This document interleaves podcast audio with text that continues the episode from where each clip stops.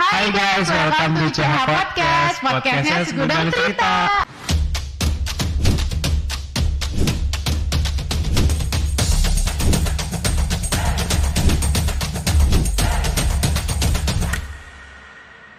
Jadi kita ini episode pertama kita, terus kita mau banyak banget yang dibahas di podcast ini. Kita bakal Iya. ngundang Kita bakal ngundang orang yang banyak banget ya yang punya tiktoker, cerita. influencer, terus kayak orang-orang yang punya cerita juga Iya. seru-seru tuh. Kita bakal Jadi bukan undang. orang main-main di sini guys. Waduh. Terus kita bakal bawa horor-horor, terus kita Hmm. bakal bawa bisnismen-bisnismen juga. Pokoknya rame deh nanti.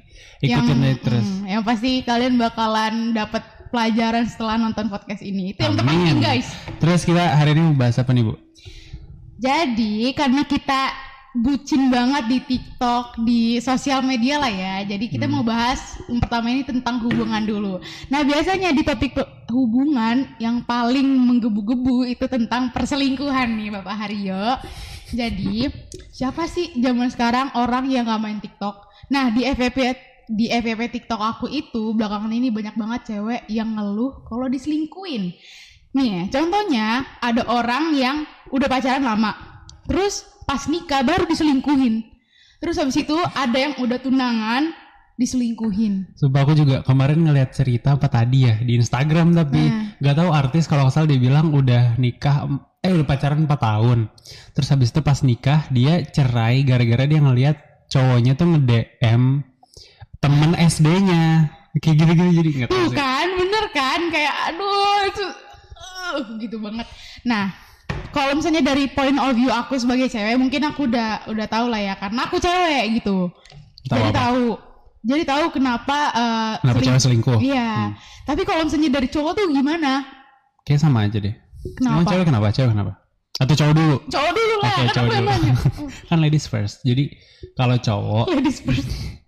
kalau cowok tuh menurut aku eh ya sebenarnya nggak jauh beda sih kayaknya sama cewek ya. Paling pilihannya antara antara dua sih, antara masalah di hubungan atau masalah di di dianya. Kayak masalah di otaknya gitu.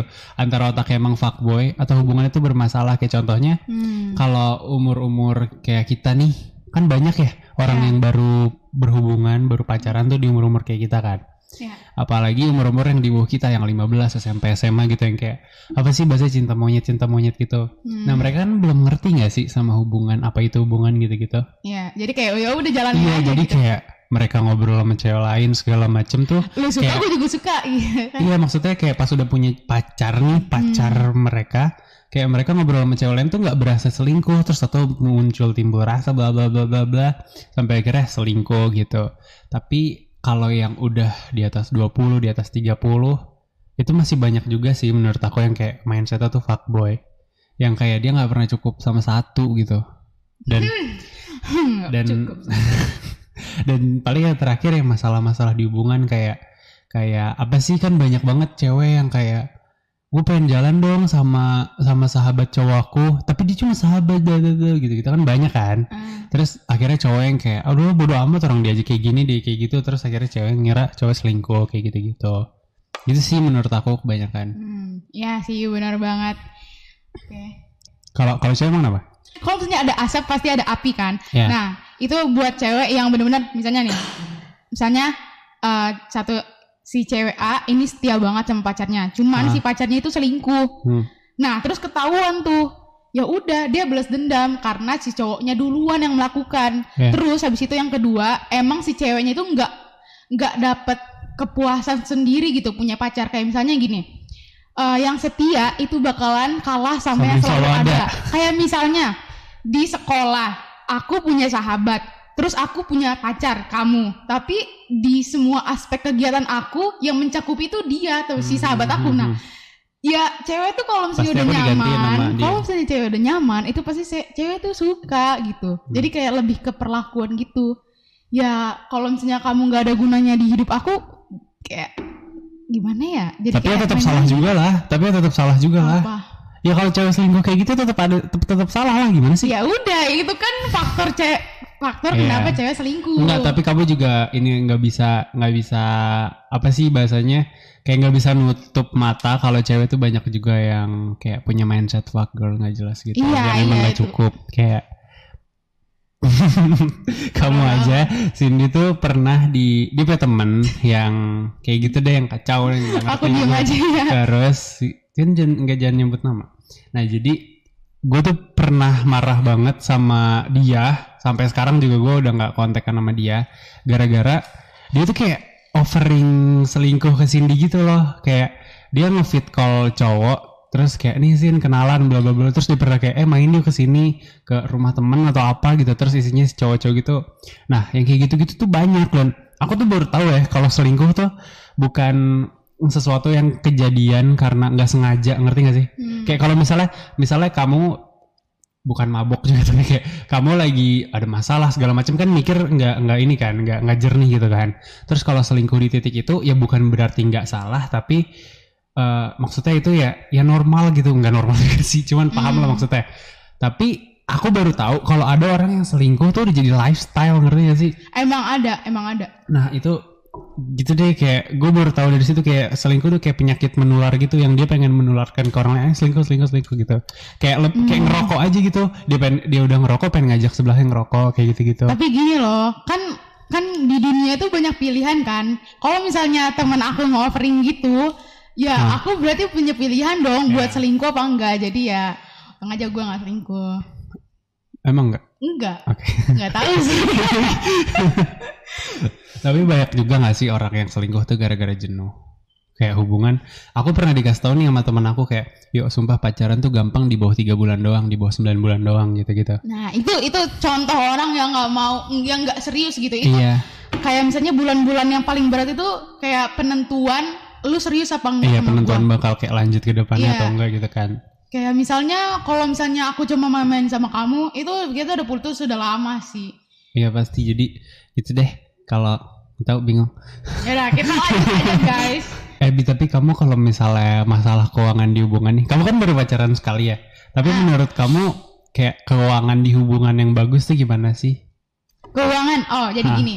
Jadi banyak banget perspektif orang yang bilang kalau misalnya cewek itu selalu dibayarin lah kan biar kayak you are my queen gitu. Ah, Menurut aku itu tuh salah gitu. Jadi walaupun cewek tapi tuh ada 50-50-nya sama cowok. Jadi nggak seharusnya kalau misalnya lu mau dijadiin ratu, lu juga ngejadiin pacar lu. ya. Iya, Ya, betul. jadi kayak king. Ah, kayak aku tuh mikirnya ini tuh agak jauh analoginya, tapi nyambung. Jadi banyak banget sekarang perdebatan yang kayak eh, cewek tuh kayak cowok tuh harus bisa masak, cewek juga harus bisa nyari duit kayak gitu-gitu. Nggak ada Iya. yang namanya pekerjaan cewek, pekerjaan cowok. Nah, menurut aku dengan menetapkan mindset cewek harus dibayarin itu sama dengan kayak kan gue bayarin lu, lu harus ada in return masakin gue bla bla bla gitu kan. Secara nggak langsung, tapi kalau misalnya kita menetapkan kayak mindset, oh ini kita bayar ya sesuai kemampuan dong. Kalau misalnya emang kayak kita nggak mandang gender, tapi kalau misalnya ada si A dan si B, si A lebih mampu ya kenapa nggak bantu B, tapi B bantu si A dengan cara yang lain gitu, Hmm. tanpa harus ngelihat kayak oh gue kan cowok gue yang bayarin bla bla bla gitu gitu, yang kayak banyak banget tuh yang menurut yang nggak toksik juga, cuman aku nggak setuju yang kayak cowok harus bayarin dong, harus ajak gue jalan, harus bayarin bensin segala macam, tapi gue tuh nyaman banget ya kalau kayak gue bukan maksud gimana tapi gue nggak butuh cewek gue untuk bayarin apa-apa sama sekali di hidup gue tapi gue tuh ngerasa nyaman banget kalau misalnya si Cindy habis dapat something tuh dia share ke gue terus kayak eh, kita kasarnya bagi tugas gitu di daily life. Gue gue nyetir dia kayak bukain pagar kayak gitu-gitu tuh hal-hal yang kayak maksudnya saling mengisi gitu nggak yang kayak berat di satu pihak gitu aku sih mikirnya gitu kalau masalah yang bayar-bayaran gitu Hmm.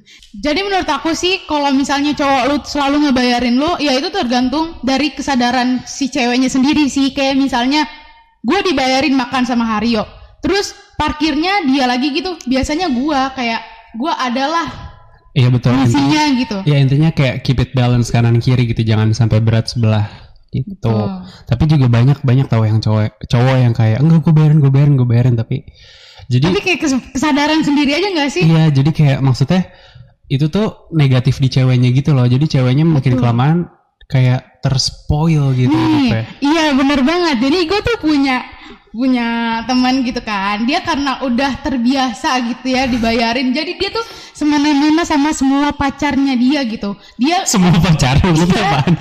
Kayak misalnya dia pacaran putus pacaran putus gitu kan terus karena dia udah terbiasa jadi kayak ya udah lu lu cowok berarti lu dong yang bayarin gua itu itu kurang ajar Aha. banget itu berpengaruh juga pas ke ke pertemanan juga jadi kalau misalnya aku jalan sama dia Dia minta bayarin. dia yang Dia dia yang kayak minta bayarin sih? Kayak lintah jadi kayak siapa pun disedot kan. Iya padahal kan Tapi eh, ngomongin tentang spoil bi, kayak waktu itu kan aku pernah cerita yang temannya bapak aku. Jadi dia tuh Hmm. eh, pas tahun berapa ya mungkin 80 70 bokapnya tuh kan kayak parah ya. dan kayak zaman segitu kalau lu udah kaya Hmm. lu tuh kayak raja gitu loh. kayak punya kontrol gitu Iya ya karena kan zaman sekarang nih lu kalau misalnya punya kontrol dan mau meng apa sih eksploitasi kontrol lu tuh bisa diekspos di sosmed, di penjarain segala macam. Tapi zaman dulu di ya Hmm. kayak dibungkam banget gitu Iya kan ngerti kan maksudnya kayak kayak gitu dah pokoknya zaman Hmm. pemerintahannya kayak gitu banget. Nah dia tuh zaman dulu kayak gitu dan dia di spoil parah gitu. Aku pernah diceritain kayak dia mobilnya rusak terus bapak sama temennya yang satu lagi bukan si Hmm. anak orang kayanya ini dia yang kayak eh benerin yuk benerin yuk gitu kan kayak gimana car kayak bukan pengen benerinnya banget tapi kayak otaknya tuh kayak keep questioning gitu gimana sih cara gimana sih caranya? Sedangkan si orang satu ini kayak udahlah biarin ngapain sih lo repot-repot ntar ada ngurus gitu loh. Dia punya mindset kayak gitu nggak jauh Hmm. Oh, beda sama kayak temen kamu. Iya, iya, iya. nah sekarang dia tadinya kayak raya banget banget banget. Kayak maksudnya ini nih studio ini tuh kayak cuman parkirannya doang kata bokap gue parkiran rumahnya doang dapat 10 mobil Hmm. katanya dia bilang.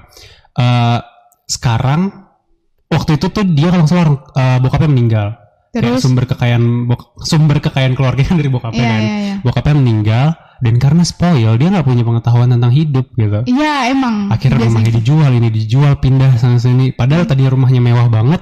Dia jadi sekarang kemarin tuh baru nanya ke om ke om aku. Hah? ditanya kan dia sekarang kerjanya apa? Terus katanya jadi supir metro mini. Terus aku langsung kayak kayak, "Ih, gitu loh maksudnya. Akbar. aku langsung aku langsung kepikiran kayak ini di sekeliling gua yang spoil ke depannya gimana karena temen aku yang spoil banyak banget Hmm. yang kayak yang kayak oke orang tua lu kaya tapi lu tuh bukan siapa-siapa tanpa orang tua lu dan mereka nggak mikir kayak kalau orang tua gue mati gimana ya ngerti gak sih Iya, jadi tuh sebenarnya ya orang yang paling hidupnya bahaya, bahaya itu adalah orang yang terlahir dari keluarga orang kaya. Jujur, Yes. karena karena pas lu udah ngerasa nyaman sama hidup lu, lu tuh jadi nggak punya back plan gitu. Jadi kayak males nggak sih? Kayak ya udah biarin aja, gue mau dapat duit tinggal minta ke orang tua. Iya, Jadi tuh bener, kayak bener, bener. kita tuh selalu dituntun, digiring gitu Dan- loh. Dan kalau misalnya kita langsung terjun, misalnya ya orang tua meninggal gitu, kita jadi kayak, hah ini terus gue harus gimana? Itu baru kayak kepikiran gimana caranya dapetin duit bukan dari sebelumnya gitu. Jadi emang bahaya bahaya banget. iya dan kayak banyak masalahnya tuh banyak banget orang yang kayak orang tuanya kaya mereka Hmm. tuh kasarnya nggak mau anaknya turun kasta gitu loh. Kayak misalnya pak gue kerja dulu ya gajinya cuman misalnya cuman satu juta gitu. Padahal orang tuanya udah puluhan miliar penghasilannya. Orang tuanya tuh mikir kayak apaan sih lu? Orang duit tinggal minta gampang banget. Padahal dengan dia turun ke situ yang dicari mungkin bukan duit ya kan? Yang dicari mungkin pelajaran hidupnya atau kayak skill setnya atau kayak whatever gitu. Nah itu sih. Jadi Iya. aku ngelihat itu balik lagi ke yang tadi ke yang kalau cewek spoil impactnya bisa ke situ gitu. Karena ya nggak jauh beda gitu cowok-cowok yang punya duit juga nggak nggak nggak jarang yang mereka tuh yang kayak gue beliin cewek gue ini beliin cewek gue itu kayak oke deh let's say cowoknya punya income miliaran terus dia beliin beliin HP atau dompet 10 juta 20 juta nggak berasa kan Iya, tapi si cewek ini jadi kayak ah 20 juta doang gue beli dompet. Padahal dia padahal si cewek ini kalau dilepas sendiri untuk nyari 3 juta 4 juta aja mungkin. Terjadi banget di kehidupan sekitar sih parah. ya kayak gitu deh. Oh iya ngomongin tentang duit, ini eh, kita aku pengen nanya sih tentang point of view kamu tentang orang yang flexingin duit orang tua. Kayak misalnya orang tuanya orang kaya gitu, terus kayak gue bangga gue anak orang kaya nih, gue punya mobil, gue punya HP, gue bisa beli tas, woi, kamu dong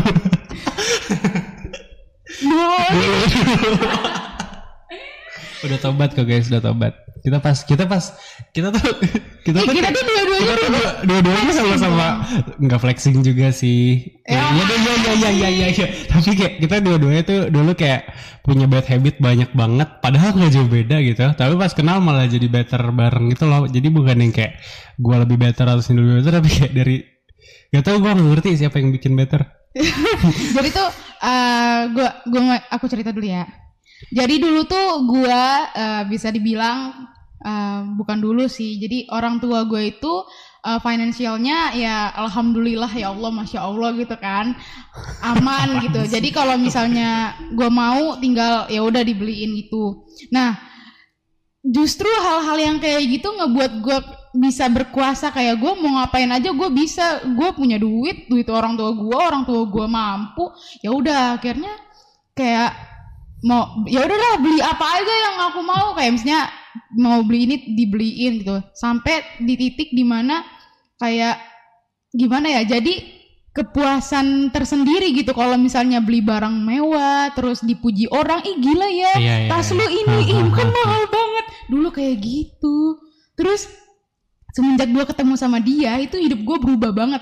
Karena yang dulunya gue selalu di apa namanya dilapisin status gitu. di- Oh, ya dilapisin sama duit orang tua gue hidup sama dia jadi bergelombang tau nggak jadi kayak bener-bener di Iya. yang tadinya di atas awan tiba-tiba di hutan gitu karena karena gue belajar gimana caranya buat ngasilin duit dan ternyata ngasilin duit itu nggak segampang dan semudah yang gue kira hmm, hmm. Terus akhirnya karena gue ngerti duit sekarang, jadi gue kalau misalnya mau ngeluarin berapa berapapun tuh jadi Ya. jadi berharga gitu Ya, kan. Kayak yang- even cuma hmm. beli kopi kayak gini itu tuh nggak nggak kayak ah bodo amat beli bodo amat beli gitu. dulu mah kayak seratus ribu, ya elah seratus ribu doang, minta tinggal udah sini. Sekarang gue nangis, sempet nangis gue tuh Gara-gara ngeluarin. kehilangan seratus ribu. Iya, gue nangis depan Hario, emang sedih banget seratus ribu sekarang.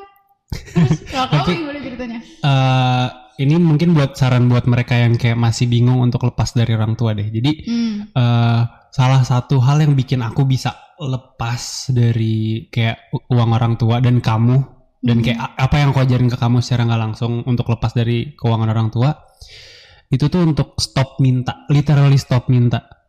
Kayak lu punya uang berapa di bank atau whatever, lu stop minta. Gimana caranya lu bisa survive dengan tangan sendiri gitu loh.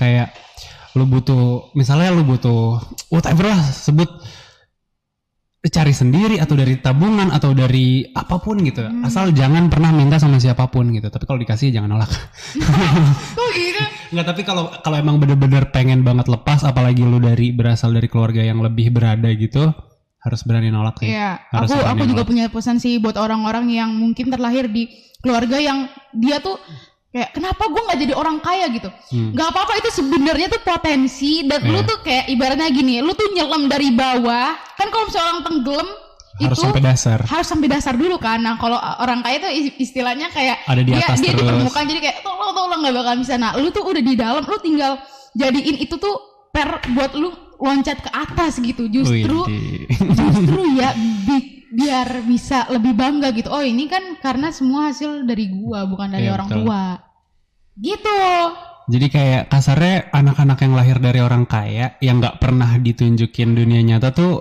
pada saatnya bakal bakal turun ke dasar juga gitu loh. Jadi Hmm. nggak usah nggak usah lah yang ada kayak insecure insecurean gara-gara lu berasa nggak punya whatever gitu gitu.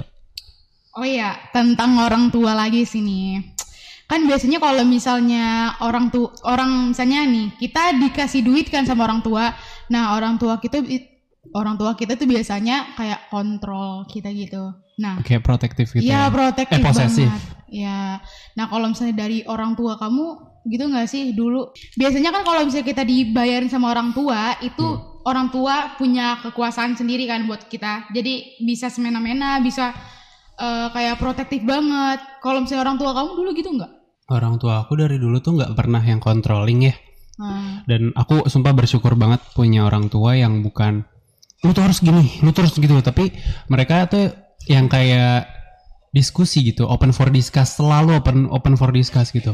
Kayak emang sering banget gitu sampai detik ini tuh gue setiap ngobrol sama bokap selalu ada debatnya, selalu ada debatnya. Mungkin kamu sadar. hmm, Tapi itu tuh bagus gitu. Karena gue yakin kayak kalau dari gue sendiri ya setiap abis debat walaupun gue nggak setuju di titik itu tapi itu kepikiran terus kan. Ya. jadi emang dari bapak tuh nggak 100% benar gue gua nggak aku nggak 100% benar nah lama-lama kayak ketemu oh iya ini tuh yang the best gitu-gitu. Jadi dari mulai decision buat kuliah decision buat cabut kuliah itu tuh mereka open discuss terus dari mulai kayak buka bisnis ini, buka bisnis itu, terus mulai TikTok, mulai kayak podcast ini, whatever tuh semuanya tuh kayak open for discuss gitu, nggak pernah kayak lu terus gini, lo terus gini. Gitu. Iya. Oke. Kayak kelihatan sih dari orang tua kamu juga eh, Kalau kamu gimana? hmm? Kamu gimana? langsung potong ya. ya udah lah ya. Jadi kalau misalnya orang tua aku itu, papa aku tuh orangnya eh, ngeliat dulu nih. Eh, sebenarnya mau aku tuh apa sih gitu. Cuman kalau misalnya mama aku nggak tahu kenapa ya, bukan bukannya mau eh, membeda-bedakan, cuman emang watak watak mama aku dari keluarga Sumatera gimana sih emang orangnya keras-keras gitu kan. Jadi pas aku maunya apa, mamaku tuh selalu ngomel-ngomel dulu. Kayak, ini jangan gitu gitu gitu, gitu. Terus tapi ujung-ujungnya dia bakalan dengar juga sih. Iya sebenarnya sih kalau mama kamu lebih ke beda penyampaian aja sih, tapi Iya. kayak di Emang dalam caranya. kayak ah, kayak di dalam tuh sebenarnya mama juga nerima gitu loh. Kayak mungkin yang tadinya kamu nggak boleh sibuk keluar, Hmm. lama-lama mama kayak oh iya sini di luar tuh positif loh kerjaannya kayak Iya. begini, terus ada bisnis bla bla bla gitu-gitu. Jadi lebih ke penyampaian aja sih kalau itu jatuhnya.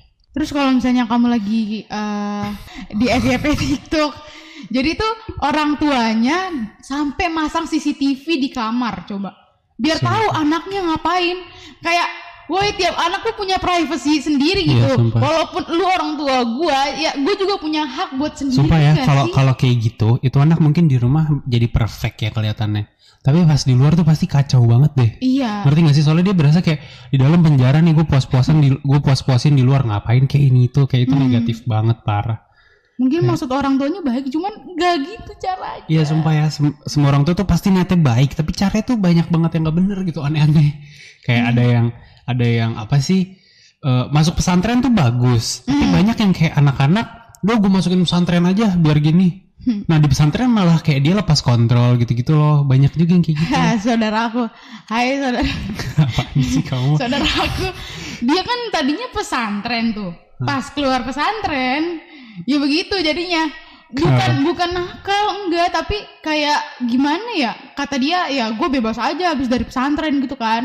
Yang tadinya nggak pacaran jadi pacaran gitu. Nah kan jadi kayak kalau emang orang bener-bener kayak oh gue pengen belajar tentang agama belajar Hmm. tentang ini ini lu masuk pesantren tuh bagus banget gitu Iya. tapi kalau kayak gue pengen bebas eh gue pengen ini ini ini, ini supaya nggak terhi- supaya terhindar dari ini ini gue masuk pesantren aduh yang Iya. ada pas cabut malah kayak berasa Aduh, berasa lepas sih. kayak berasa lepas dari diet gitu loh Mm-mm. ya langsung cheat meal bla bla bla gitu tapi banyak Hmm. juga tahu kayak teman-teman aku yang orang tuanya tuh overprotective dan jadi kayak even even kayak di kamarnya malah jadi bad trip gitu yang kayak nangis depresi segala macem dan kayak eh getaway-nya tuh ya ginian HP gitu Iya. sosmed Menurut aku sih kalau orang tua terlalu protektif itu anaknya nggak bisa berkembang banget yang kayak dia mau gitu. Jadi kayak aku pernah pernah lihat gambar di mana aku nggak tahu lupa.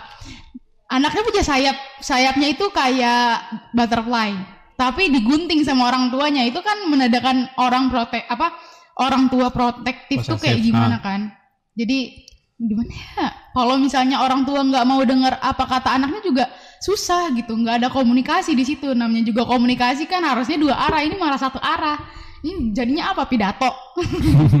Bibi aku pengen nanya deh Hmm. ini ini beda topik nih tapi aku pengen nanya eh reaction kamu yang Apa? kamu pikirin pertama kali mungkin bukan pertama kali pokoknya awal-awal pas aku bilang sin gue nggak lanjut kuliah apa yang kamu pikirin Pertama yang gue pikirin kayak, hah kenapa? Soalnya gue nggak pernah yang namanya punya teman, pacar, nggak punya pacar sih sebelumnya. Kayak orang sekitar lah yang tiba-tiba mutusin buat gue cabut dari kuliah. Bingung sih, kenapa gitu? Gitu tapi sih. kayak langsung jangan gitu atau gimana atau kayak kepo kepo kayak bener-bener pengen tahu aja kenapa sih sampai cabut gitu soalnya kamu tuh pernah nih aku udah pulang ke Indo terus? Satu dua minggu atau satu dua bulan setelahnya kamu nanya Bi kamu tuh sebenarnya pulang kenapa sih? Kamu alasannya bilang soalnya temen aku nanya tapi kayaknya tuh kamu yang nanya. Jadi kayak Iyalah, pasti pasti aku yang nanya itu. Bibi kamu kan anaknya kita kan sebenarnya nggak jauh beda ya kayak kita Hmm, tuh kenapa tuh temennya di mana-mana gitu sosialita lah anaknya iya, bisa iya, dibilang iya, iya, iya. sok kenal ini itu tapi sok kenalnya bukan di hal yang positif gitu loh bukan negatif juga tapi bukan positif maksudnya pos- Maksudnya apa? maksudnya positif tuh misalnya kan kayak eh, kita kan lagi belajar bisnis nih sekarang Hmm. kita kita dm dmin kita ajak ketemu anak-anak orang-orang yang yang bisnisnya tuh udah lebih di atas dari kita itu Iya. positif Hmm. SKSD-nya kalau Oke. negatif tuh yang kayak SKSD buat apa namanya buat ngajak main ini itu bla, yang negatif lah intinya tapi kalau kita tuh kayak nggak positif nggak negatif gitu pokoknya SKSD aja emang anaknya Iya.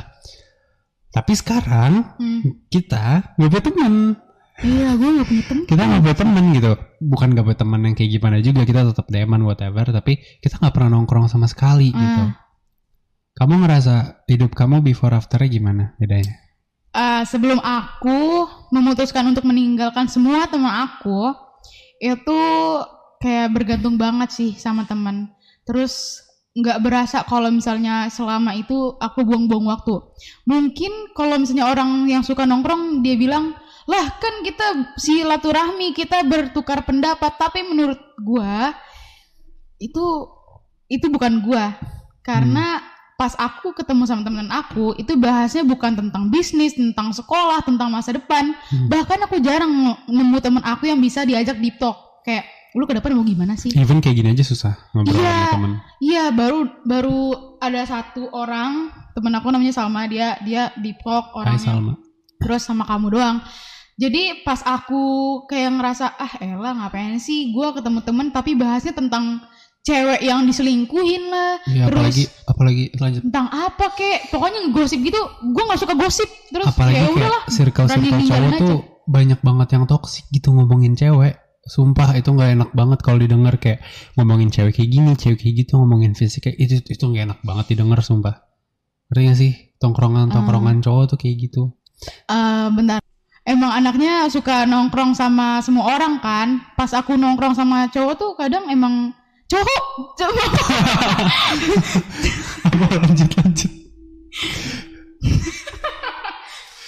Cowok bahas badan cewek. Iya itu Iya nggak kan? enak banget. Kayak gua sebagai cowok denger kayak gitu ya jijik gitu. Ilfil kayak kalau lu pemikiran gitu biarin aja di otak lu gitu. Nggak usah sampai diomongin.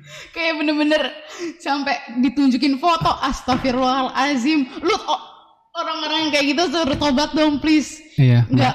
skip skip banget lu, bro, sis. ya cewek cewek juga yang ngomongin cowok yang kayak gitu, skip juga gitu. ada cewek yang kayak gitu mau, cuman maksudnya kayak kalau lu mau ngomongin kayak gitu ya, at least ya, lu jangan di grup yang besar gitu. At least lu kayak sama temen lu yang emang udah best friend aja berdua, bertiga, udah itu tuh aja gitu. Jangan kayak sebar-sebarin foto. Eh.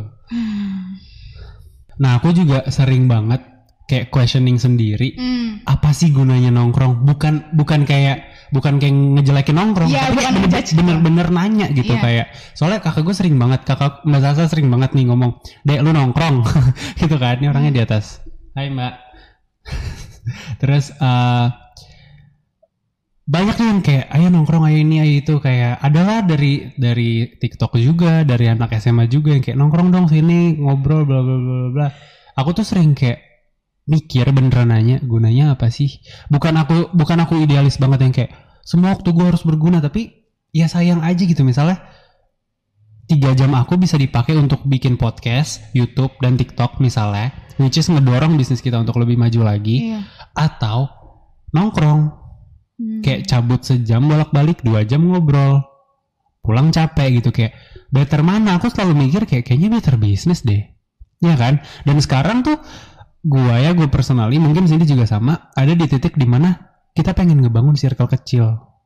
Gue pengen ngebangun circle kecil yang eh, nggak mesti profesional profesional amat tapi setiap kita ketemu setiap kita ngobrol tuh apa ya berasa positif gitu kayak at least ada something yang didapetin gitu. Nggak mesti deep talk setiap saat setiap saat tapi kayak at least lu tuh kalau at least kita tuh kalau spend time sama si orang ini tuh kita bisa refreshing atau kita bisa dapat ide baru atau whatever kayak gitu sih kayak kayak social life kayak situasi social life aku sekarang Hmm. Kalau misalnya menurut aku nongkrong itu nggak salah. Mungkin kadarnya aja yang di apa ya? tapi semua orang Diurus beda-beda gitu. sih kayak emang ada yang benar-benar hidup itu ini banget sama nongkrong Hmm. kayak emang bahagia banget gitu sama nongkrong aku pernah pernah dapat quotes katanya kalau misalnya lo mau jadi sukses, lo tuh harus sama uh, punya konsep namanya OQT, only quality people. people. Jadi orang yang benar-benar berkualitas di hidup lo gitu, orang yang bisa uh, ngebawa lo terbang tinggi gitu, bukan orang yang sama level maksudnya kayak lu males lu jangan bergaul juga sama orang-orang males lu harus bergaul sama orang yang lebih rajin daripada lu nah dari situ lu bisa termotivasi biar jadi orang yang jauh lebih baik karena kalau misalnya lu mau capai cita-cita tapi usaha lu masih kayak ya elah cuman sekedar gini-gini doang itu nggak bakalan bisa banget lu mau lu mau berdoa sebanyak apa tapi kalau misalnya nggak ada usaha buat perubahan itu nggak bakalan bisa terjadi Terus juga ya aku kenapa aku komitmen banget nggak mau punya temen. Kalau sekarang aku pe- aku malah pengen nyari temen. Tapi kalau dulu eh, 2019 akhir itu tuh aku benar-benar komitmen banget. Gua nggak mau punya temen. Soalnya aku tuh sering dengar kayak kita tuh harus punya sacrifice di hidup kalau mau sukses. ya emang Salah betul. satunya adalah waktu. Hmm. Kayak nongkrong kan asik ya. Nongkrong kan seru ya. Tapi kita tuh harus berani sacrifice itu untuk masukin waktu itu ke bisnis, ke self development whatever Hmm. gitu. Jadi pas pulang dari Prancis aku tuh langsung kayak gue mau punya temen. Gue pengen cuma punya kenalan dari personal life aja dan dan gue tuh nge-push banget di titik itu kayak di fashion, di makanan, di sosial media, balik lagi ke fashion whatever. Gue nge-push banget dan ya emang masih jauh banget dari apa-apa tapi itu tuh ngebawa ngebawa aku jauh banget gitu.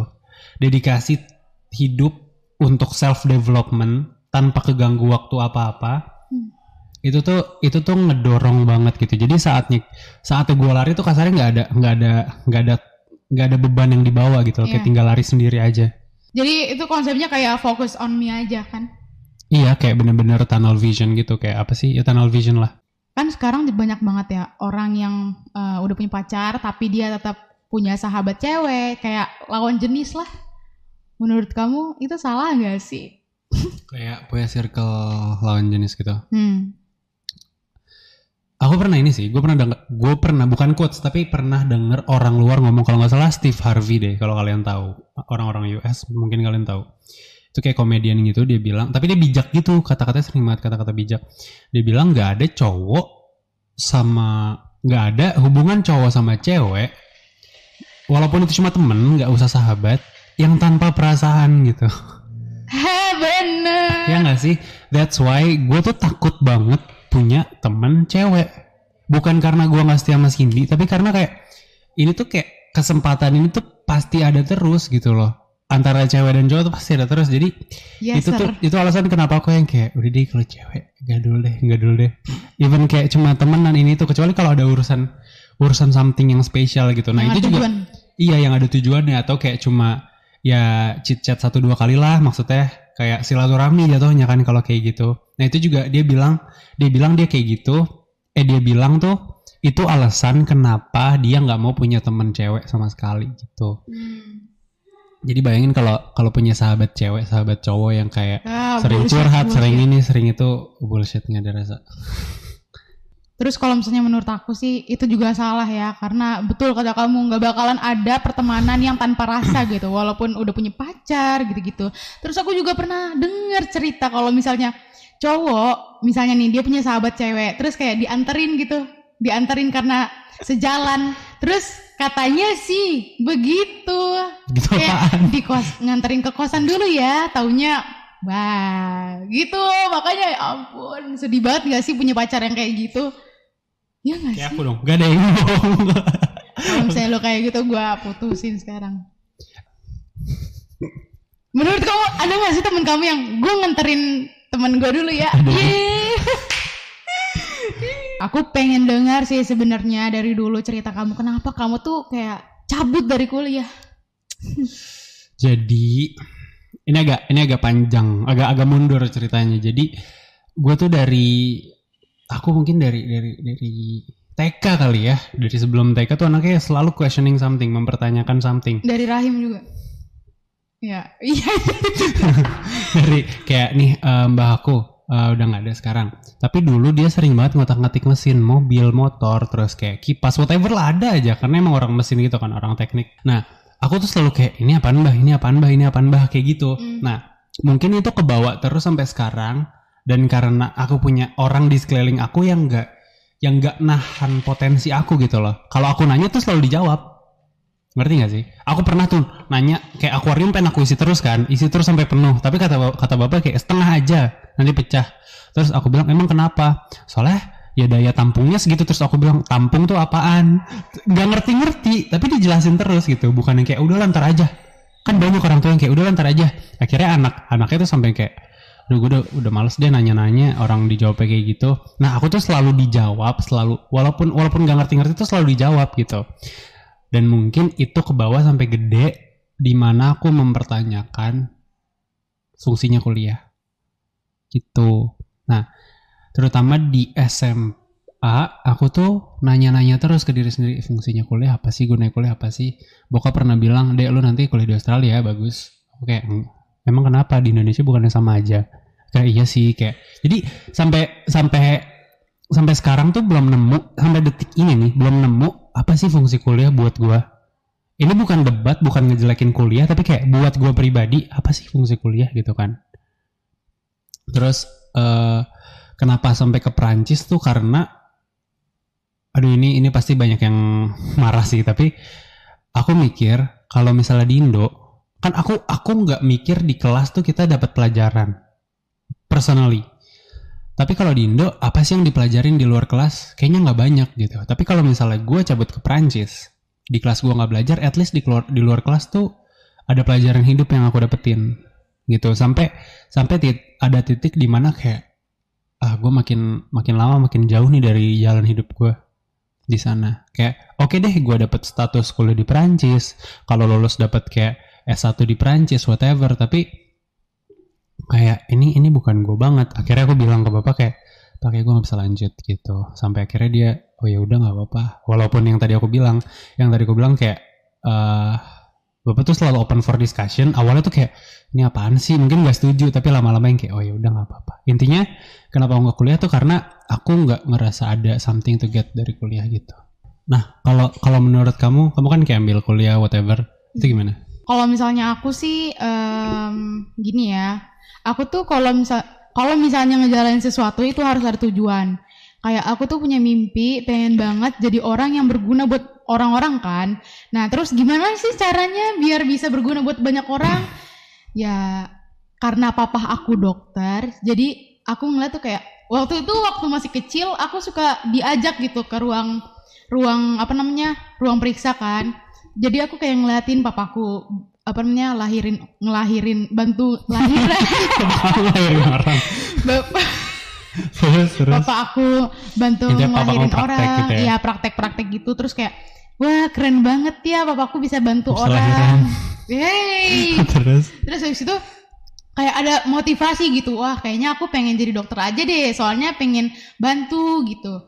Terus akhirnya ya ya udah dari situ aku memutuskan untuk ambil kuliah kedokteran. Terus menurut aku selama orang mau apa namanya ada tujuannya buat kuliah itu oke Itu banget. bagus, itu bagus. kecuali i- yang orang yang salah itu orang yang kuliah cuman karena ajang gengsi kayak misalnya yang penting gua kuliahnya di UI tapi buat jurusan bodoh amat ya sumpah terserah. sumpah banyak banget yang kayak let's say ya jurusan ini nggak salah jurusan permen nggak ada nggak ada. Tapi maksudnya nggak jelas. Hmm. tapi kayak bodo amat gue ambil jurusan permen yang penting gue masuk UI dulu nanti tahun kedua gue coba lagi di jurusan yang mungkin lebih cocok gitu. Yang kayak gitu-gitu loh banyak banget. Itu yang menurut ada sih kayak temen aku yang kayak gitu. sayang temen aku juga jadi kayak pas masuk tahun kedua aku iseng-iseng lo apa kabar? Bla bla terus kayak oh gue cabut. Ya maksudnya nggak lanjut aja gitu Iya jadi kayak sayang waktu gitu sih. Cuman ya balik lagi, gua gue sama Haryo nggak ngejudge sama sekali, tapi kayak dari kitanya nggak nggak aja gitu. Karena kan prinsip orang beda-beda. Jadi menurut aku kalau misalnya selama lu tahu tujuan lu di kuliah itu apa, itu oke banget. karena karena ya eh, salah satu prinsip gue sama Cindy tuh jangan pernah kita kejar standar-standar sosial social standar gitu yang kayak Hmm. eh Cindy ini masuk dokter dan gue tuh nggak pernah yang kayak bukan gue nggak bangga sama Cindy tapi gue nggak mengover proud Cindy karena dia masuk dokter gitu Yes. karena gue nggak mau kayak kuliah dokter tuh sangat sensitif dengan kebanggaan orang tua and whatever dengan income dan Katanya lain-lain gitu. menantu idaman. iya whatever kayak gitu nah gue tuh nggak mau install mindset itu di di mindsetnya Cindy gitu kayak, wih gue jadi dokter gini-gini. Enggak, lu tuh nggak hebat karena lu masuk kuliah dokter. Lu tuh nggak hebat karena lu dapat income sekian. Lu hebat kalau lu bisa masuk ke dokteran, dunia kedokteran, dan lu membuat progres di kesehatan Indonesia, kesehatan dunia lebih maju lagi. Lu bikin rumah sakit di Papua yang di daerah-daerah yang nggak ada nggak ada rumah sakitnya, nggak ada tenaga medis dan lain-lain. itu baru itu baru lo membanggakan gitu. Jangan jangan pernah lo punya mindset kayak, wih gue hebat kalau misalnya gue punya status tertentu, punya jabatan tertentu, apalagi punya barang tertentu. Wih gue punya gue punya Ferrari, gue hebat. Enggak nggak kayak gitu gitu. Iya, jadi itu kan konsepnya berarti kita membanggakan diri sendiri kan. Dan Iya. menurut aku kalau misalnya kita ngejar cita-cita berdasarkan eh, Selfish point of view. ya selfish gitu, kayak biar gua biar kelihatan keren gitu. Itu susah banget buat dicapainya. Tapi once lu apa namanya ngelakuin sesuatu untuk orang lain itu gampang banget misalnya gue waktu itu pengen banget gue eh, banggain orang tua gue di lomba speech. Terus kayak ngerja apa ngapalin terus belajar belajar apa namanya nyusun kata-katanya. Itu kayak ada motivasinya terus gitu. Kalau misalnya ah biarin ah biar aku menang biar bisa mejeng di sosmed itu tuh susah banget karena ada aja rasa males. Terus ya udah deh ber- ber- apa namanya nanti next speechnya aja deh biar menang. Tapi kalau misalnya karena orang tua dan karena orang lain itu pasti bakalan tercapai sih menurut aku Iya kayak kasarnya tuh kalau lu punya eh, tujuan selfish itu tuh ada batasnya. Tapi kalau lu punya tujuan selfless itu tuh nggak ada batasnya. Karena berasa juga di di hari-hari kayak di setiap harinya aku gitu. Aku kan kayak gue kan bisa dibilang dari bangun tidur dari melek sampai memerem tuh ada di sini. Bukan di studio banget tapi kayak di HP ini isinya ginian, di laptop isinya ginian gitu kan. Dan kalau misalnya tujuan aku tuh selfish, kayak mungkin even tahun lalu aku masih masih bisa bilang selfish gitu.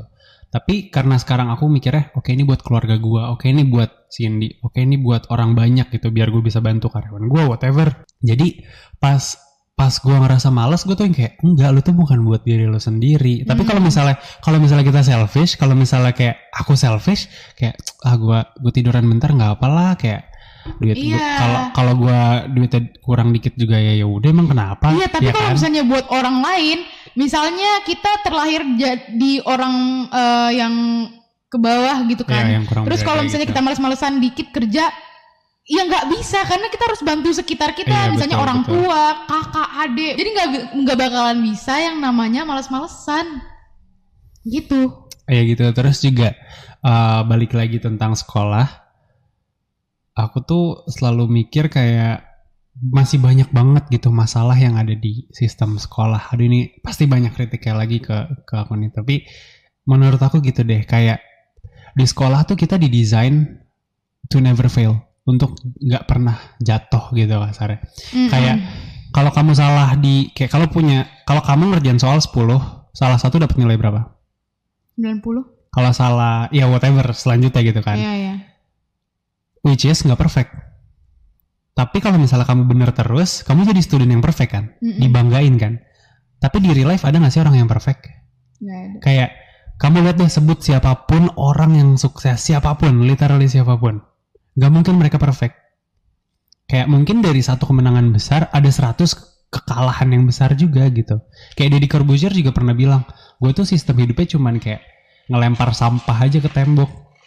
Dilihat mana yang nempel dan kayak orang cuma ngeliat mag- magicnya dia orang ngeliat podcastnya dia dan yang sukses-suksesnya aja. Kita nggak tahu nih apa aja yang, yang gagal di baliknya dia gitu. Nah menurut aku itu tuh kayak kesal salah satu sistem sekolah yang aku nggak setuju banget gitu. Kenapa sih lu harus ngejar perfection padahal hidup tuh ngajarin lu untuk jatuh terus bangun lagi gitu? Ya itu jat- jatuhnya kayak sekolah tuh ngebangun ekspektasi kita kalau kehidupan itu bakalan aman terus, bakalan senang-senang terus. Yang nyatanya tuh Allah.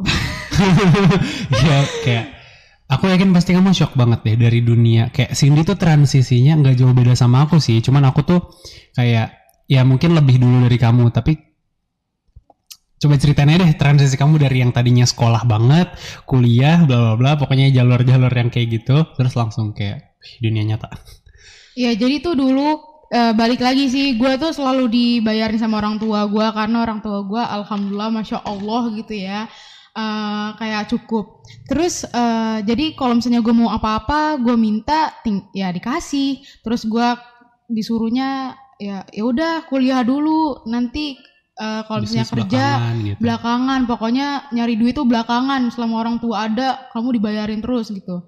Itu orang tua gue salahnya sih di situ. Terus pas gue ketemu sama Rio gue tuh diajak kayak lu nyari duit sendiri ya lu nggak usah minta lagi sama orang tua. Dan di situ yang gue dari manja banget gue lembek banget sebelum gue belum apa namanya kayak nyari duit sendiri. Terus akhirnya pas nyari duit sendiri itu baru berasa banget sih oh ini yang namanya nyari duit. nyari duit kayak seratus ribu yang dulunya gue sepelehin banget sekarang tuh berharga banget gitu buat buat aku kayak ternyata dari seratus ribu itu ngedapetinnya harus kayak kerja dulu baru itu deh habis lagi jadi Habis lagi. banget. Kayak kita ngedapetinnya susah-susah kan terus ngebuangnya tuh kayak enak banget jadi itu sih Terus juga salah satu message dari papa papa kamu yang aku ingat terus itu tuh Cindy pernah kalah di lomba. Terus dia kayak ngadu ke papa, papa maaf ya aku kalah bla bla bla karena dia lomba buat papanya kasarnya. Terus papa bilang udah nggak apa-apa nak karena kayak nggak apa-apa kamu kalah sekarang. yang penting kita yang menang penting di menang di kehidupan dunia yang sebenarnya gitu. Iya. Karena ya bener banget. Kenapa sih lu dituntut 12 tahun plus kuliah terserah kuliah lu berapa tahun untuk ngebuktiin kemampuan lu sebagai manusia Hmm. di atas kertas gitu. Emang itu itu bukan itu bukan cara kerja hidup. Ya, Sumpah jadi- bukan cara kerja hidup kayak Ya.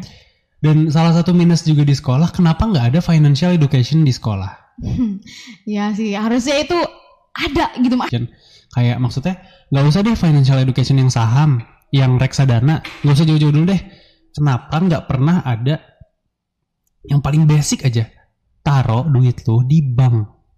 Iya. itu tuh nggak pernah loh. Dan naruh duit di bank tuh sekrusial itu menurut aku. Kayak orang tuh pikirnya ah di bank nanti nanti harus bayar nanti harus ini nanti harus itu malah rugi. Padahal itu tuh kasarnya step pertama lu untuk lanjut ke financial education gitu eh kita balik lagi aja ya lah ya. Kita eh, kalau misalnya di sekolah itu ngajarin banget kalau kita harus perfect, kita harus 100%. Jadi aku tuh pernah eh, oh gini gini gini.